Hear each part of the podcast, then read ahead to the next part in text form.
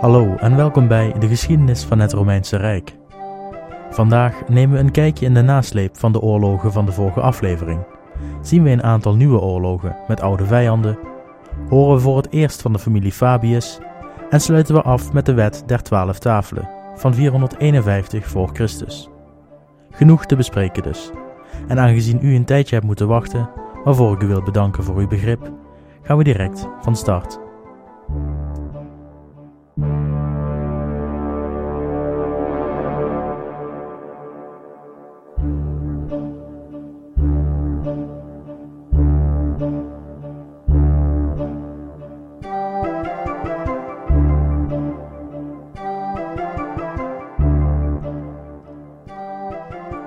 De oorlog met Coriolanus en de zelfvernietiging van de confederatie van Volsken en Aqui vond er één jaar later, in 486 voor Christus, een kortstondige oorlog plaats tussen Rome en de Hernici. De Hernici verloren de oorlog en overhandigden als consequentie van dit verlies maar liefst twee derde van al het Hernicische grondgebied aan Rome. Dit was een belangrijke strategische overwinning voor Rome. De landen van de Hernici lagen namelijk precies tussen die van de Aqui en van de Volsken. En het feit dat dit land eerst van de bevriende Hernici was en nu van de Romeinen, moest een tegenvaller zijn geweest voor de voormalige confederatie. Met de oorlogen van de afgelopen jaren voorbij kon Rome zich weer richten op interne aangelegenheden. En wat bleek? De verschillen tussen de patriciërs en de plebeiers waren nog lang niet verholpen. Het aloude recept van rust buitenshuis betekent onrust binnenshuis bleek in steen gehouwen. Maar dit keer werd er een zaadje geplant dat zal uitgroeien tot de meest bediscussieerde plant die de Romeinen ooit gekend hebben, Allus Livius. Na het verkrijgen van de landen van de Herniciërs moest er in de Senaat worden bepaald aan wie deze landen werden aangeboden. Zouden deze landen aan de staat toebehoren, wat zou betekenen dat het in handen van de patriciërs zou belanden, of moest het misschien aan de plebeiers gegeven worden, zodat ook zij kansen kregen om welvaart te vergaren. Een van de twee consuls van dat jaar, Spurius Cassius, opperde voor het eerst het idee van de verdeling van de ager publicus, vrij vertaald naar het publieke land.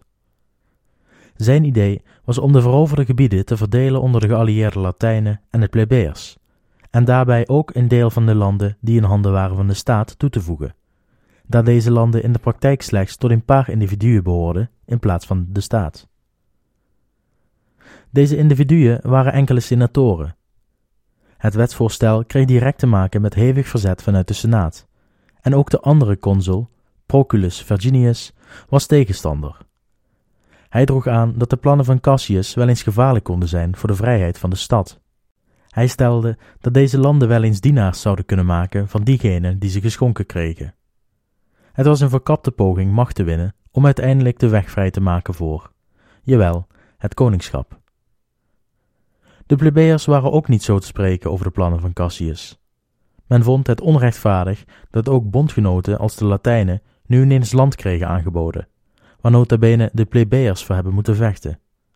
En vanwaar alle aan de plebeiers beloofde oorlogsbuit was verdwenen in de diepe zakken van de staat. Verginius werkte Cassius in alles tegen en sprak continu zijn veto uit over de agrarische wetswijziging.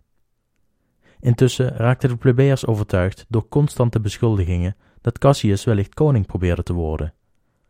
Hij werd door Vergilius zelfs genoemd in dezelfde zin als landverrader nummer 1, Coriolanus.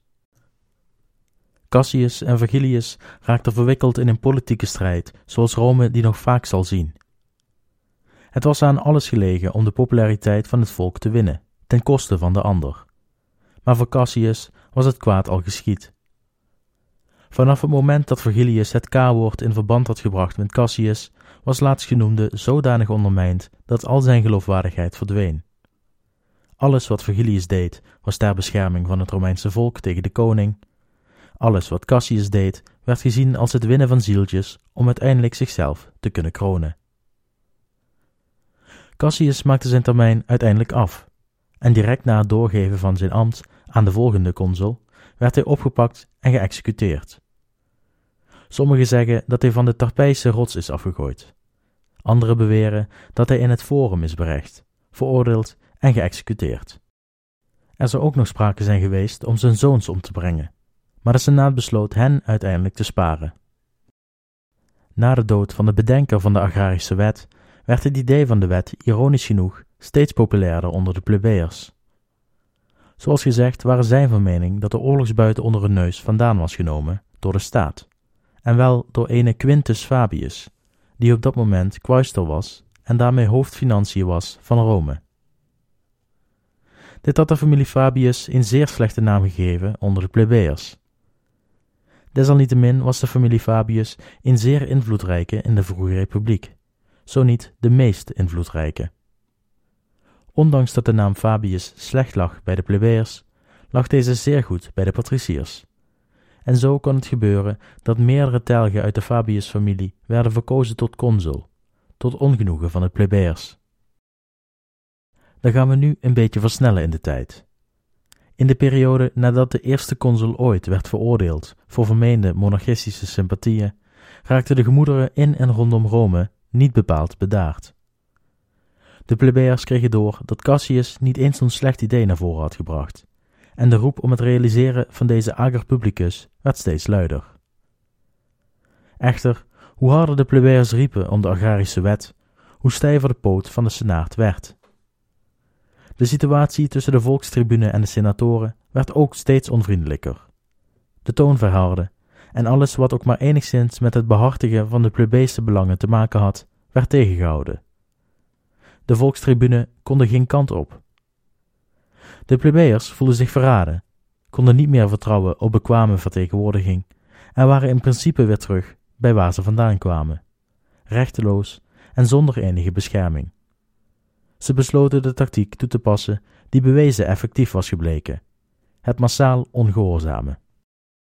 De problemen die Rome teisterden bleven niet binnen de stadsmuren. De Etrusken, Aqui, Sabijnen, Volsken en Ernici, allemaal doen ze ergens in deze periode in poging Rome dwars te zitten. Van een echte oorlog is alleen sprake met de Etrusken. De rest blijft beperkt tot kleine invallen met plunderingen tot doel. Met de Etrusken, en dan met name de stad Veii, gesteund door soldaten uit andere Etruskische steden, vinden enkele veldslagen plaats, die afwisselend worden gewonnen en gelijk gespeeld. Soms vindt er een Romeinse terugtrekking plaats, maar verliezen dat nooit. Tijdens deze periode wordt het leger van Rome wederom opgedeeld onder de twee consuls. Men gaat van noord naar zuid, van oost naar west. Overal zijn plunderaars die zodra Rome verschijnt snel over de grens terugvluchten en dekking zoeken achter de stadsmuren. De plebeiers, welke de linies van het leger vulden, waren eigenlijk van plan geweest niet op te dagen wanneer hun namen werden opgeroepen om dienst te nemen. Maar dit hadden zij op aanraden van enkele volkstribunen toch maar gedaan. Eenmaal op het slagveld, waar de redelijke stem van de volkstribuun niet kon komen, ontstonden er al snel problemen. De soldaten luisterden niet naar hun generaal, en al helemaal niet wanneer dit in Fabius was. Deze ongehoorzaamheid heeft de Romeinen bijna tweemaal een veldslag gekost. Eerst tegen de Aqui en daarna tegen de Veentijnen. Die laatste, tegen de Veentijnen, was een spectaculaire. In eerste instantie werkten de soldaten tegen, maar Marcus Fabius Vibulanus zorgde er uiteindelijk voor dat de Romeinen als winnaar uit deze moeilijke situatie zouden komen. Met hemzelf naast zijn broer vooraan in de linie. Zijn broer kwam om het leven, en hij weigerde om deze reden een triomftocht door Rome. Zijn status ging van gehaat naar al een stuk minder gehaat, en dat zal snel veranderen van gehaat naar geliefd. Inmiddels zijn we in het jaar 479 voor Christus. De problemen in Rome houden aan. De oorlog tussen Rome en haar buren blijft bestaan, en de situatie voor de Romeinen is ver van ideaal. Van alle kanten worden de landbouwgronden steeds maar weer geplunderd door invallende stammen. De Aqui en de Volsken konden steeds dieper Romeins grondgebied binnenvallen en kwamen één keer zelfs zeer dicht bij Rome. Maar een echt groot gevecht bleef uit. Het Romeinse leger kon maar één ding doen: achtervolgen. Ook de stad Veii was van tactiek veranderd. Na de nederlagen tegen Rome in de jaren ervoor waren ook zij aan onsamenhangende plundertochten begonnen, met kleine groepen in plaats van een groot leger. Hier nemen de Fabi, zoals de familie Fabius ook wel genoemd werd, een helderrol op in de Romeinse Republiek. Men bood aan de Senaat aan om de oorlog met Veii over te laten aan de Fabi, op eigen kosten, zodat de staat zich kon richten op de Volsken en de Aqui, drie vijanden, één voor de Fabi en twee voor beide consuls. Het nieuws van het aanbod van de Fabi en de acceptatie van de Senaat verspreidde zich door de stad als een lopend vuurtje. Blijdschap en verwondering staken de kop op. Wat een geweldige familie was het eigenlijk. Een hele oorlog op zich nemen voor de vrijheid van Rome. De volgende dag verzamelde de Fabi zich en alle mannen die gevechtsfit waren trokken naar de Noorderpoort van Rome, op weg naar de grens met Etrurië. Nog nooit eerder marcheerde zo'n klein leger onder zo'n groot applaus en gejuich door de stad, schrijft Livius hierover. De Fabi zette uiteindelijk een kamp op langs de rivier Cremera, dat direct de grens was tussen Rome en Etrurië. De Fabi waren voldoende om de Etrusken tegen te houden, zolang er maar geen echt leger werd ingezet. Over en weer werden plunderingen en represailles uitgevoerd, af en toe in hinderlaag. De Fabi bleken een aantal gevechten tegen grotere aantallen tegenstanders te winnen, en alles ging naar behoren. Totdat uiteindelijk in 477 voor Christus de Veentijnen wederom werden verslagen in een open veldgevecht.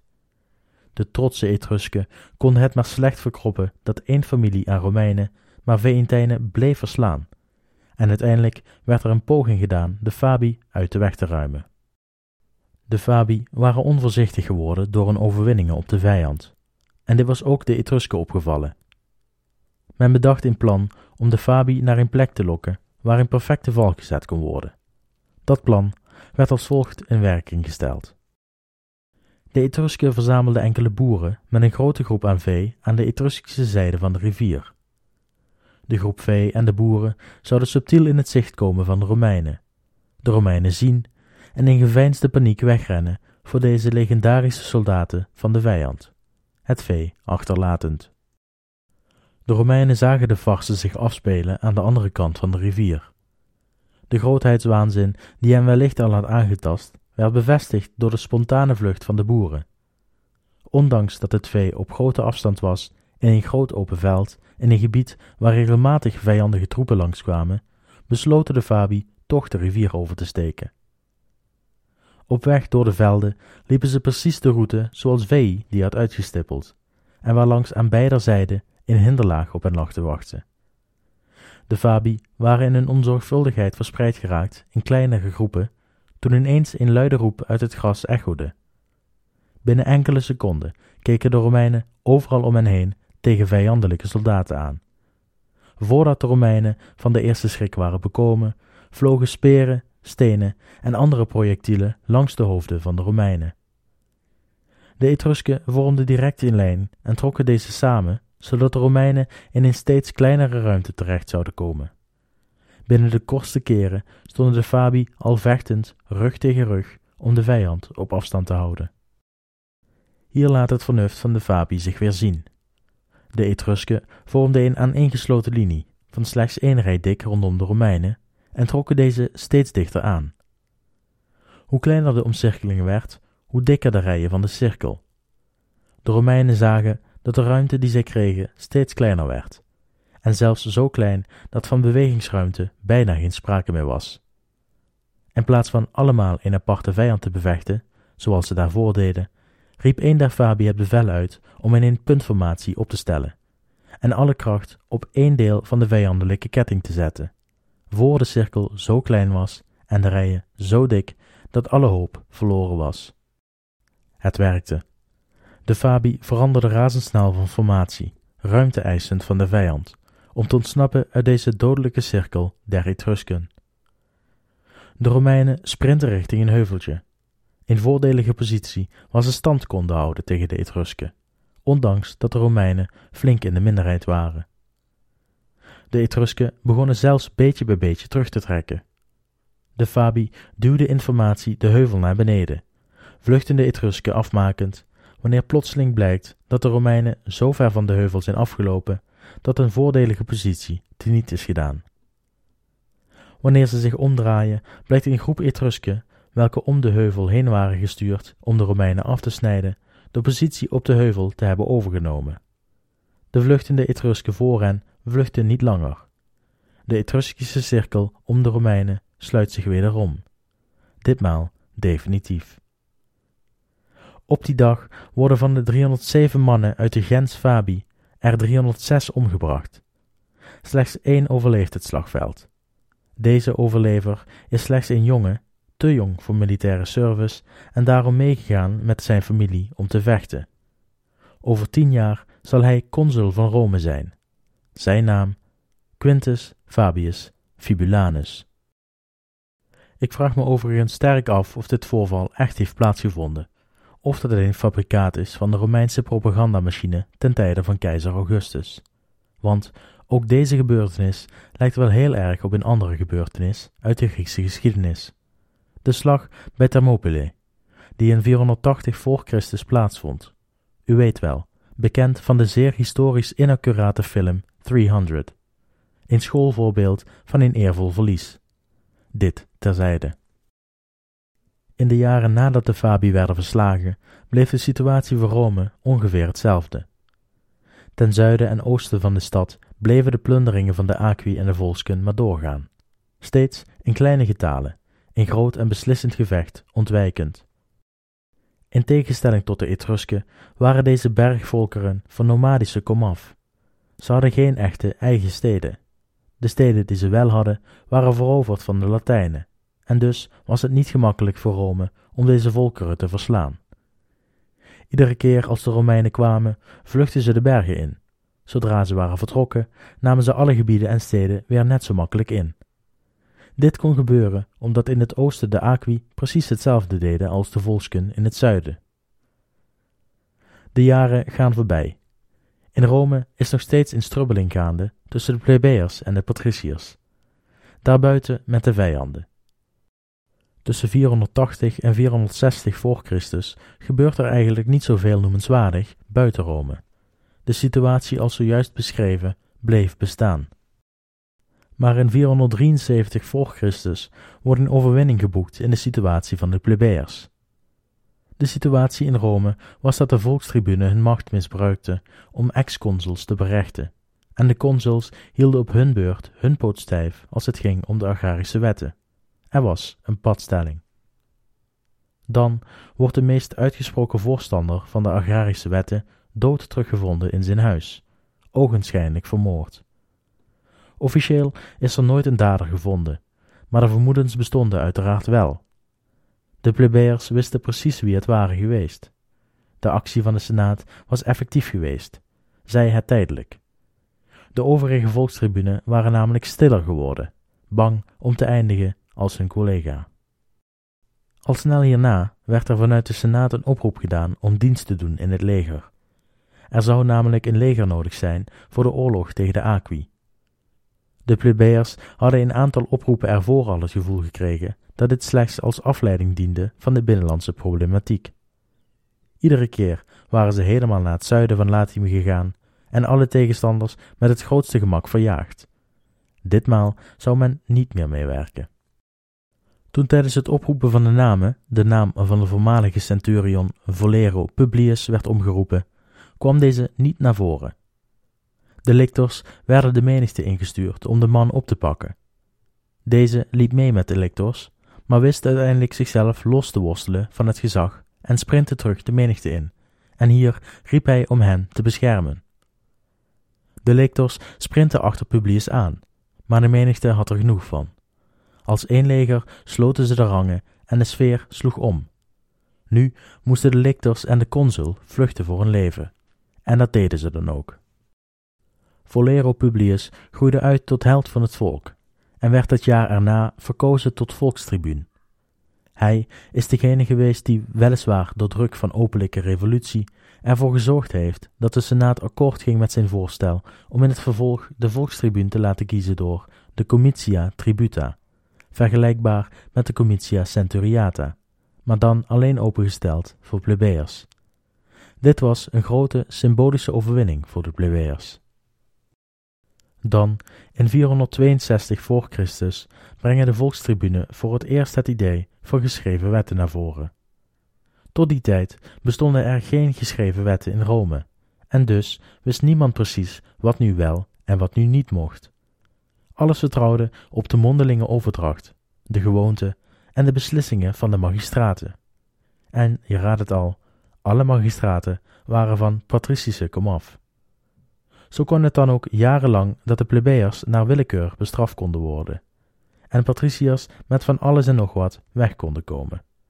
Zolang de magistraat er maar een leuk verhaal bij vertelde, kon hij doen en laten wat hij wilde. Niemand die kon controleren of het ook echt rechtens was. De aanleiding voor het vastleggen van de wetten was een machtsvacuum dat was ontstaan in Rome rond het jaar 463 voor Christus. Dat jaar was een rampjaar voor de Romeinen in het bijzonder. Er brak namelijk een seizoen aan waarin het overgrote deel van de bevolking, en dan vooral mannen van militaire leeftijd, ziek werden. Welke ziekte het Romeinse volk platlegde is onbekend, maar het trof volgens Livius zowel dieren als mensen.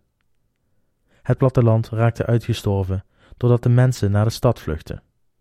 De buurlanden vielen Latium binnen en hadden een tijd lang vrij spel voordat ze teruggedrongen werden en verslagen aan het eind van 463 voor Christus.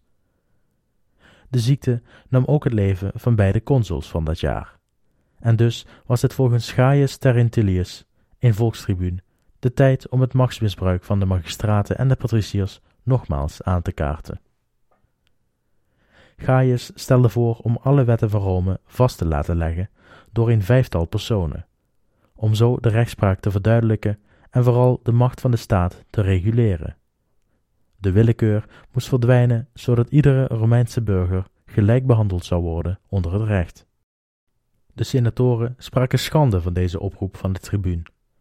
Het werd hem verweten Rome op haar zwakste moment aan te vallen. Hij was aangesteld om het recht van individuen te verdedigen, niet om de hele Romeinse staat kapot te maken. Juist nu koos hij het moment waar hij bewust op zou hebben gewacht Rome aan te vallen als zij haar verdedigers mist. De Senaat riep de andere volkstribune op hem vooral niet te steunen, en de senatoren lieten zo snel mogelijk nieuwe consuls verkiezen en verzetten zich nog tien jaren lang met hand en tand tegen het voorstel van Gaius Terentilius. Tussen het volk zelf ontstond ook oneenigheid. Groepen mannen, de een voorstander van het patricische standpunt, de ander van de plebejse, vielen elkaar aan op bijeenkomsten. De sfeer werd er zelfs zo grimmig dat de discussie soms een jaar lang expres niet werd aangesneden, uit angst voor ongeregeldheden. Maar het voorstel bleef ten alle tijden in het achterhoofd van alle Romeinen, zowel voor als tegenstanders. In 460 voor Christus, wanneer de padstelling de samenleving in twee kampen heeft verdeeld, gebeurde er in één nacht iets ongewoons. Verbannen Romeinen en slaven, zo'n 2500 in aantal, onder leiding van een Sabijn genaamd Appius Herdonius, waren ongemerkt de stad binnengewandeld, vermomd als gewone burgers in een der dagen voorafgaand. Eenmaal in de stad verzamelden ze zich bij de Capitolijn, en voorzien van wapens drongen ze de Capitolijn binnen en namen ze de aldaar gelegen citadel in, zoals de Sabijnen zo'n 200 jaren eerder hadden gedaan. Iedereen die niet meewerkte aan de bewapening van de slaven in de citadel werd vermoord, en de enkeling die ontsnapte rende in blinde paniek van de Capitolijnse heuvels vandaan, roepend: Te zwaard, de vijand is in de stad. Het Romeinse gezag wist niet wat ze moesten doen. Was dit een truc van de plebeiers? Waren zij degene die een opstand wilden veroorzaken, of was het echt een vijand van buitenaf? Men probeerde de gepanikeerde mensen te bedaren, maar dat lieten ze niet toe. Er werden wapens uitgedeeld, in controleerbare getallen. Zo bang was men dat een bewapening van de plebeiers nog wel eens averechts zou kunnen werken voor de stad. De nacht ging voorbij, en bij het daglicht werd dan eindelijk duidelijk wie de vijand was. Appius Herdonius riep van de versterkte muren van de citadel dat hij was gekomen om de onterecht verbannen Romeinen terug te brengen naar hun vaderland, en om de slaven te bevrijden welke onder het juk van de Romeinse elite gebukt gingen. wanneer men de terugkeer niet zou accepteren, zouden de volksken en de Aqui worden binnengelaten, en zal er gevochten worden tot de dood erop zou volgen. Appius Herdonius was zoals Coriolanus, met een even grote mond, maar met een veel, veel kleiner leger. De verwarring onder de Romeinen was er echter niet minder om. De volkstribune riep direct uit dat dit weer de zoveelste poging was van de patriciërs om het volk af te leiden met een neppe vijand. De senatoren beschuldigden de tribune ervan Rome als kwetsbaar te doen voorkomen voor het buitenland, zodat de vijanden weer de moed zouden vinden Rome aan te vallen, zoals nu het geval was. De volkstribune overtuigde de plebeiers echter hun wapens neer te leggen en geen deel te nemen aan deze zogenaamde farse.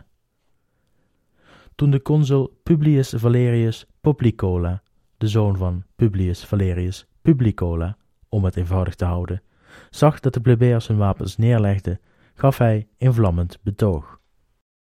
Wat heeft dit te betekenen, volkstribune? Leveren jullie de staat zomaar over aan deze Appius Herdonius? Laten jullie deze man, die nota bene de slaven binnen Rome niet heeft weten te vergiftigen, wel jullie willen gijzelen? Laten jullie, terwijl de vijand over u uitkijkt, uw wapens vallen om politiek te bedrijven? Hij draaide zich om naar het volk. Als jullie niet geven om jullie stad, vrees dan de goden, die op de Capitolijn worden gegijzeld door onze vijanden. Jupiter, Juno, Minerva en alle andere goden en godinnen zijn belegerd. Een kamp van slaven is in bezit van de goden van uw land. Vader Romanus, geef uw burgers de moed waarmee u eerder de Sabijnen hebt verdreven uit uw stad. Geef ze de moed om dezelfde weg naar boven te bevechten, zoals u dat eerder deed, waarna uw leger u volgde. Ik, Publius Valerius, consul van Rome, zal de eerste zijn die in uw goddelijke voetstappen zal treden, om Rome wederom te bevrijden. Met deze woorden trok hij zijn zwaard, stak deze omhoog en riep iedereen op zijn wapen op te pakken. Ieder die boven aan de Capitolijn zou staan en die niet zou vechten tegen Appius Sardonius, zou worden gezien als staatsvijand. Niet langer erken ik het gezag van consul, de macht van de tribune of de vrijheid waar Rome voor staat. Een ieder die zich zou bevinden op de Capitolijn zonder te vechten, werd gezien als staatsvijand. Het verhaal opzwepend als het was, zorgde niet voor het gewenste resultaat. Publius Valerius was gedwongen nog één nacht te wachten, voor de aanval kon beginnen, en hij begon met het verzamelen van gelijkgestemden. Het waren echter niet de Romeinen die uiteindelijk de citadel wisten te veroveren. De dictator van de Latijnse stad Tusculum had bericht ontvangen over wat er was gebeurd in Rome. Hij twijfelde geen moment, verzamelde zijn troepen en marcheerde in het diepst van de nacht richting Rome. Bij dageraad kwam hij aan in de stad. Eerst dachten de Romeinen nog dat het beloofde leger van Volsken en Aqui aan de poorten stond, maar het waren de bondgenoten uit Tusculum. Eenmaal binnen verzamelde het leger uit Tusculum zich bij de kleine groep mannen van Publius Valerius. Samen vielen ze de citadel aan. Appius Horatius was van niets zeker, behalve zijn sterke positie maar deze hield niet lang stand. De poorten werden gebroken, iedereen in, op of aan de citadel werd gedood, ook Appius Horatius. De consul Publius Valerius viel in de strijd. De kapitolijn en de citadel waren heroverd en de plebeiers wierpen koperen muntstukken voor het huis van de omgekomen consul, om hem van een grootse begrafenis te verzekeren. Veel plebeiers wilden graag vechten voor een stad, maar het was hen verboden door de tribune, hetgeen illustreert hoe verdeeld Rome was. Verschillende gebeurtenissen vonden plaats in de komende jaren tussen 460 en 451 voor Christus. Zoveel dat het een hele aflevering in beslag zal nemen. Dus hier kom ik de volgende keer op terug. De gebeurtenissen die in deze jaren plaatsvonden, brachten Rome dan eindelijk het inzicht dat het niet zo verder kon Zowel de patriciërs als de plebeiers verbraken wetten welke zij beweerden te verdedigen. De staat van de Romeinse bevolking verslechterde. De vijanden roerden zich wederom. Het leger kon niet worden ingezet door voedselschaarste en simpelweg de onbereidheid van de plebeiers om te dienen. In het jaar 454 voor Christus werd dan eindelijk de eerste stap gezet in de richting van geschreven wetten.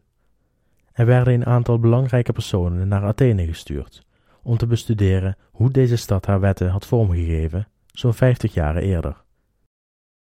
De verhalen over deze Griekse wetten uit Athene hadden hun weg naar Rome gevonden via de Griekse stadstaten in het zuiden van Italië.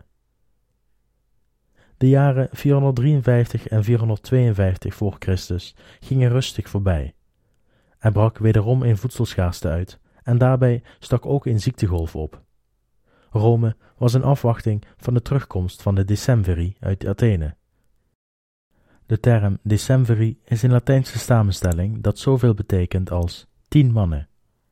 Dit was de benaming voor een college van tien mannen die bezwaard waren met de taak de wetten te bedenken en op te schrijven. In 452 voor Christus kwamen de mannen dan eindelijk terug uit Athene. Men besloot vaart te maken met het opstellen van de wetten. Alle magistraten werden tijdelijk ontslagen, zodat de decemviri vrijuit konden werken. Er werd afgesproken dat de decemviri alles zouden bepalen en dat er geen beroep mogelijk was. Er ontstond nog even discussie of de plebeiers mee mochten beslissen, maar zij gaven uiteindelijk toe aan de wens van de patriciërs. Toen werd beloofd dat bepaalde religieuze wetten tot stand zouden worden gebracht, een wens van de plebeiers. De decemviri bleken in staat objectief wetten te kunnen vormgeven, en er werd zelfs een moment ingericht waarbij het volk, patriciërs en plebeiers de wetgeving konden voorzien van commentaar. Het verbaasde beide kampen hoe de decemviri de wetten zo redelijk tot stand hadden gebracht. De angst van de patriciërs dat hun macht werd ingeperkt bleek ongegrond. Evenals de angst van de plebeiers dat de decemviri alleen wetten zouden opstellen in het voordeel van de patriciërs. In 450 voor Christus werden de eerste tien tafels gepresenteerd. Een jaar later, in 449 voor Christus, werden er nog eens twee tafels aan toegevoegd, om zo alles vast te kunnen leggen. De decemviri bleken een recept voor succes, en de wet der twaalf tafelen was dan eindelijk tot stand gekomen. De wetgeving, zo weten we nu, was tot stand gekomen door de gewoonte, zijnde de rechtsregels die iedereen reeds gebruikte, maar die niet waren vastgelegd en daardoor onduidelijk waren, op te schrijven op twaalf stenen tafelen of plakkaten. Deze plakkaten werden vervolgens opgehangen op het forum, zodat iedereen in de stad wist waar de wet uit bestond. Het betrof zowel de wetten voor de gewone burger als wetten omtrent procedures. De schuldenproblematiek die de aanleiding vormde voor de problemen tussen de plebeiers en de patriciërs waren gereguleerd in de wetten. Zo werd er bijvoorbeeld een periode ingelast van 30 dagen waarin een schuldenaar zijn schuldeiser kon terugbetalen, alvorens men kon worden aangeklaagd. Er stonden zaken in over vrouwen. Wanneer een vrouw voor een periode van tenminste één jaar verblijft bij een man, zonder onderbreking van tenminste drie aaneengesloten dagen, dan wordt zij geacht de vrouw te zijn van deze man. Ook de rechtsgang werd vastgelegd. Een verdachte moest bijvoorbeeld altijd verschijnen voor de rechtbank maar ook enigszins lugubere zaken stonden op de tafels opgenomen, zoals in wet op de vierde tafel. Een ernstig misvormd kind zal snel worden gedood. Helaas hebben de tafels de test der tijden niet overleefd en weten we alleen sommige wetten uit latere geschiedschrijvingen. Ik zal een link naar de website met een aantal van deze wetten, als ook andere informatie, op de website plaatsen. Dit doe ik overigens één of twee dagen later dan wanneer deze aflevering online komt. De volgende keer gaan we de periode tussen 460 en 450 voor Christus nog eens van dichtbij bekijken. Hier speelt zich namelijk een mooi en bekend verhaal af die ik niet meer in deze aflevering kon behandelen. Voor de rest van de inhoud verwijs ik u naar de Facebookpagina. De volgende aflevering zal over twee weken online komen ik heb eerst nog wat tijd nodig om mij goed te kunnen voorbereiden. Ik hoop dat ook deze aflevering u weer heeft mogen bekoren. Bedankt voor het luisteren en tot de volgende keer.